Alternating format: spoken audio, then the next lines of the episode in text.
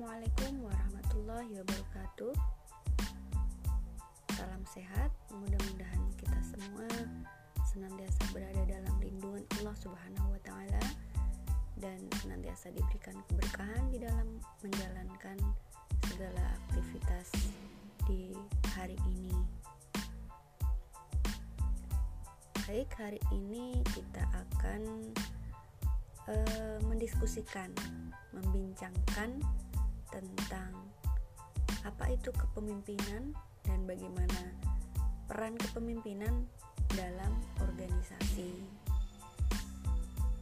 Sebelumnya, saya ingin mengingatkan kepada kalian semua bahwa sejatinya setiap manusia itu adalah pemimpin. Kenapa? Setiap manusia kelak akan dimintai pertanggungjawabannya oleh Allah Subhanahu wa taala. Apa pun profesi kita, apa pun pekerjaan kita, apa pun yang menjadi tanggung jawab kita. Misalkan kita sebagai mahasiswa, maka kita juga akan dimintain pertanggungjawaban kita sebagai mahasiswa itu telah melakukan apa saja apa saja yang sudah diberikan untuk masyarakat dan lain-lain.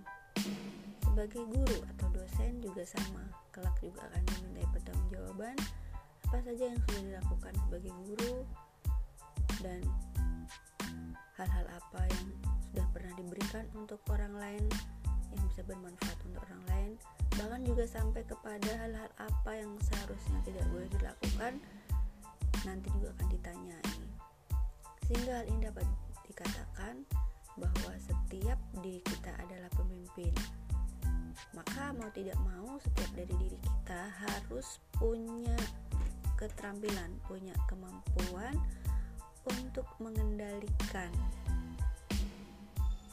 apa yang dipimpin.